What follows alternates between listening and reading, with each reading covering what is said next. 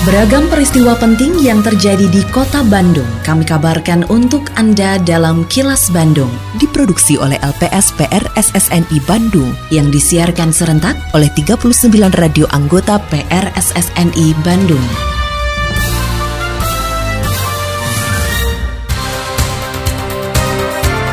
Sejumlah informasi aktual kami hadirkan untuk Anda dan inilah informasi utamanya. Kota Bandung mendapat 300 vial vaksin COVID-19. Volume pengiriman sampah Kota Bandung ke TPA sudah berkurang. RSHS siapkan ruangan khusus kejiwaan bagi caleg yang gagal di pemilu. Saya Santika Sari Sumantri, inilah kilas Bandung selengkapnya. Kota Bandung mendapatkan kuota dosis vaksin COVID-19 dari pemerintah pusat sebanyak 300 vial atau 1.500 dosis. Kepala Dinas Kesehatan Kota Bandung Anhar Hadian mengatakan karena jumlahnya terbatas, maka vaksin hanya akan diberikan kepada penerima yang termasuk kategori prioritas, seperti tenaga kesehatan yang belum divaksin lengkap, kemudian lansia dan komorbid yang belum mendapatkan vaksinasi lengkap. Sedangkan vaksinasi untuk masyarakat umum masih menunggu pasokan yang dikirimkan berikutnya. Selain itu, untuk mengantisipasi lonjakan kasus COVID-19, Anhar mengaku sudah meminta setiap rumah sakit di kota Bandung untuk menyediakan 10% dari kapasitas tempat tidur untuk penderita COVID. Anhar juga mengatakan Dinas Kesehatan Kota Bandung sudah menyiapkan berbagai antisipasi meningkatnya kasus COVID-19 terutama menjelang Natal dan Tahun Baru. Tadi malam tuh provinsi janji hari ini sampai di Dinkes katanya gitu. Dinkes Kota Bandung janjinya. Kalau misalnya memang datangnya sesuai dengan harapan kami, tidak mungkin semua puskesmas bisa dah. Cuma 300 vial untuk 1.500 orang dan prioritasnya kalau kau lihat urutan Kemenkes itu yang pertama adalah tenaga kesehatan yang belum divaksin lengkap. Itu dulu. Nah kalau 1500 memenuhi itu aja pasti sudah berkurang. Terus yang kedua lansia sama komorbid yang belum lengkap. Kalau masih ada sisa masyarakat umum yang belum lengkap. Jadi sampai ke masyarakat umumnya oh ya kita nunggu pasokan berikutnya lagi.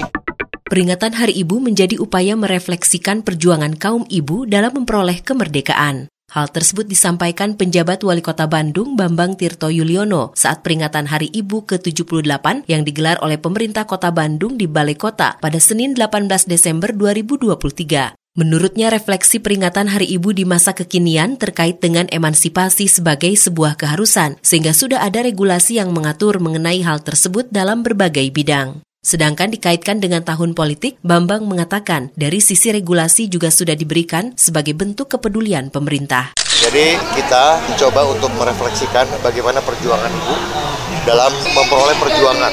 Untuk kekinian sekarang, tentunya uh, emansipasi menjadi sebuah uh, sebuah keharusan. Regulasi juga sudah ada yang mengatur tentang itu, begitu ya. Jadi bagaimana kita adanya sebuah penyetaraan dalam berhal dalam berbagai bidang untuk mengisi pembangunan. Esensi adalah seperti itu. Sebetulnya diberikan juga si regulasi ya uh, apa kuota, kuota untuk salah satu manifestasi bentuk bentuk dari emansipasi tersebut ya di antara lain ya misalkan jumlahnya proporsinya untuk ASN misalkan ya kemudian juga ada kuota atau proporsi untuk anggota legislatif begitu kan nah itu adalah salah satu bentuk pedulian pemerintah dalam hal diregulasikan dalam bentuk undang-undang Volume sampah kota Bandung yang dibuang ke tempat pembuangan akhir atau TPA sudah berangsur berkurang. Volume sampah kota Bandung yang dibuang ke TPA Sarimukti semula 1.300 ton per hari, namun saat ini menjadi 900 ton per hari. Sekretaris Daerah Kota Bandung Emma Sumarna mengatakan pengurangan sampah tersebut merupakan hasil dari kinerja pengelolaan sampah berklaster seperti tempat ibadah, sekolah, hotel, dan restoran. Menurut Emma, pengurangan volume sampah harus terus ditingkatkan sampai hingga masyarakat kota Bandung pada akhirnya memiliki paradigma terbarukan dalam pengolahan sampah. Untuk sama-sama berkomitmen dengan pemerintah bagaimana menyelesaikan sampah di kota Bandung di masa darurat. Yang alhamdulillah sebetulnya progresnya sudah cukup mengembirakan. Dan tadi saya katakan dari 1.300 sekarang ini angkutan ke sana hanya tinggal 900 ton per hari. Ada penurunan lah sekitar 400 ton. 400 ton itu dari mana? Yang dari 104 yang sudah terverifikasi, yang 205 itu memang faktanya sudah berkurang walaupun sedang kita terus cari dan lain sebagainya. Artinya ini dari kinerja yang berbasis klaster, baik pendidikan, tempat ibadah, pusat perdagangan, hotel, kafe, resto, kantor eh, pemerintah non pemerintah itu artinya berjalan. Cuma memang belum selesai ini perjalanan masih panjang. Tapi kami punya keyakinan bahwa kalau kita sudah bekerja kolaborasi seperti ini, kita akan secepatnya keluar dari masa kedaruratan. Kini, Audio podcast siaran Kilas Bandung dan berbagai informasi menarik lainnya bisa Anda akses di laman kilasbandungnews.com. Rumah Sakit Hasan Sadikin atau RSAS Bandung menyiapkan 20 ruang rawat inap khusus untuk calon anggota legislatif atau caleg yang mengalami gangguan jiwa setelah gagal dalam kontestasi pemilu 2024. Direktur Medik dan Keperawatan RSAS Iwan Abdul Rahman mengatakan pihaknya sudah mempersiapkan ruangan rawat inap mulai Januari 2024 karena sampai saat ini hanya melayani telekonsultasi dan rawat jalan bagi pasien gangguan jiwa. Nantinya ruang isolasi kejiwaan juga bisa ditujukan bagi orang yang mengalami gangguan jiwa ringan, bukan hanya yang depresi berat. Sehingga diharapkan pada pemilu yang berlangsung Februari 2024, ruang rawat kejiwaan khusus tersebut sudah efektif digunakan untuk merawat caleg yang mengalami gangguan jiwa kami akan mempersiapkan layanan rawat inap untuk pasien jiwa. Mudah-mudahan kita bisa mempersiapkan di bulan Januari ya. Hingga saat ini layanan yang kami berikan masih berupa rawat jalan ya dok. Rawat inapnya masih belum. Kadang saat ini kita masih bekerja sama dengan rumah sakit yang memberikan layanan jiwa yang sekitarnya untuk di sekitar rumah sakit Sadikin untuk rawat inap uh, jiwa. Hingga saat ini kita masih yang rawat jalan aja dan konsultasi.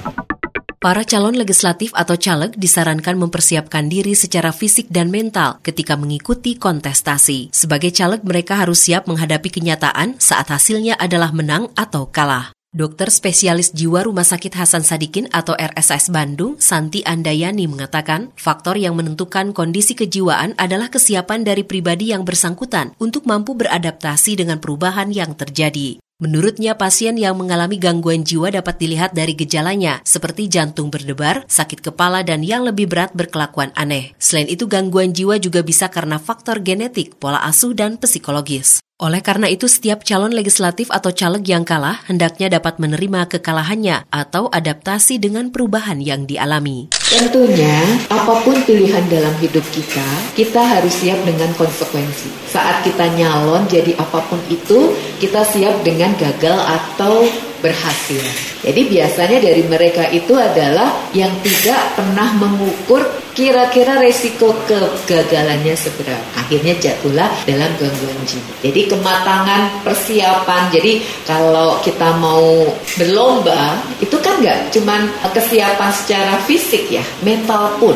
Karena kita harus menghadapi begitu banyak orang, apakah saya akan juara atau tidak. Jadi kembali lagi kesiapan fisik dan mental itu sangat penting dalam Institut Seni Budaya Indonesia atau ISBI Bandung meraih empat penghargaan bergengsi pada Anugerah Diktiristek tahun 2023. Keempat penghargaan tersebut adalah Anugerah Kerjasama Silver Winner kategori Satuan Kerja Subkategori Kerjasama dengan Pemerintah dan NGO Terbaik, juga Bronze Winner Kerjasama dengan Industri Terbaik. Selain itu penghargaan lain yang diraih adalah kategori Anugerah Humas Bronze Winner Subkategori Unit Layanan Terpadu dan Bronze Winner Subkategori Siaran Pers. Rektor ISBI Bandung Retno Dwi Marwati mengaku selain bangga terhadap prestasi yang telah diraih tersebut, penghargaan juga sebagai pemicu semangat dan tanggung jawab yang besar yang harus dilakukan dan ditingkatkan oleh seluruh jajaran pimpinan ISBI Bandung. Jadi upaya ini sebetulnya upaya yang kita lakukan, pencatatan juga yang luar biasa dan komitmen pimpinan itu sangat dipertaruhkan. Jadi ketika komitmen pimpinannya terhadap anugerah ini harus seperti apa? Jadi supaya kinerja ke depan semua dari humas, dari kerjasama itu betul-betul atas dasar tanggung jawab dan komitmen dari pimpinannya. Saya kira itu yang harus diperjuangkan supaya kita tetap terus berkomitmen untuk menjaga ISBI Bandung Bandung jauh lebih transparan, lebih akuntabel dan informasinya jauh lebih terbuka dan bisa diterima dari lebih banyak kalangan. Terima kasih Anda telah menyimak kilas Bandung yang diproduksi oleh LPSPR SSNI Bandung.